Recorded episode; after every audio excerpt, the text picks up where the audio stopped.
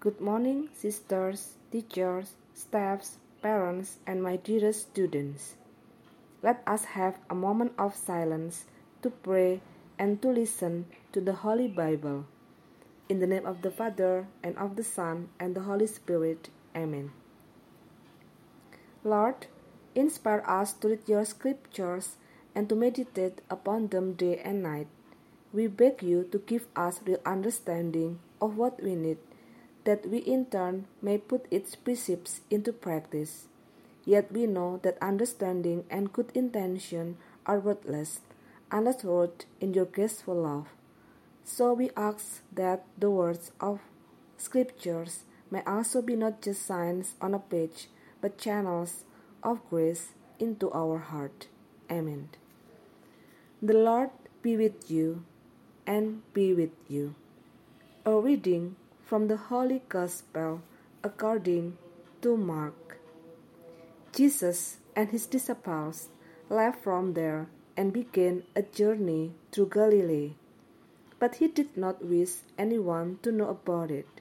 He was teaching his disciples and telling them, The Son of Man is to be handed over to men, and they will kill him. And three days after his death, the Son of Man will rise.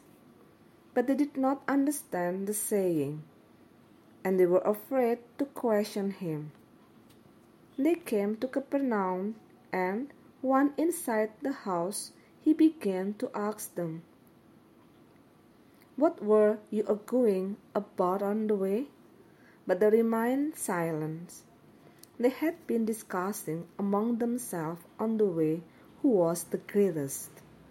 Then he sat down, called the twelve, and said to them, If anyone wishes to be the first, he shall be the last of all and the servant of all.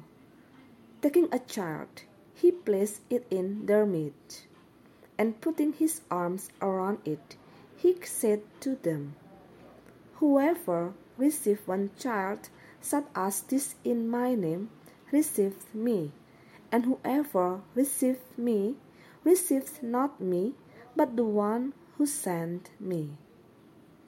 The Gospel of the Lord. Praise to you, Lord Jesus Christ. In telling the disciples about his death and resurrection, Jesus wants to show them what it means to serve. At the same time, they just don't get it and can only argue about who is the greatest. What motivates me in life? Is it honor and prestige among my friends and classmates?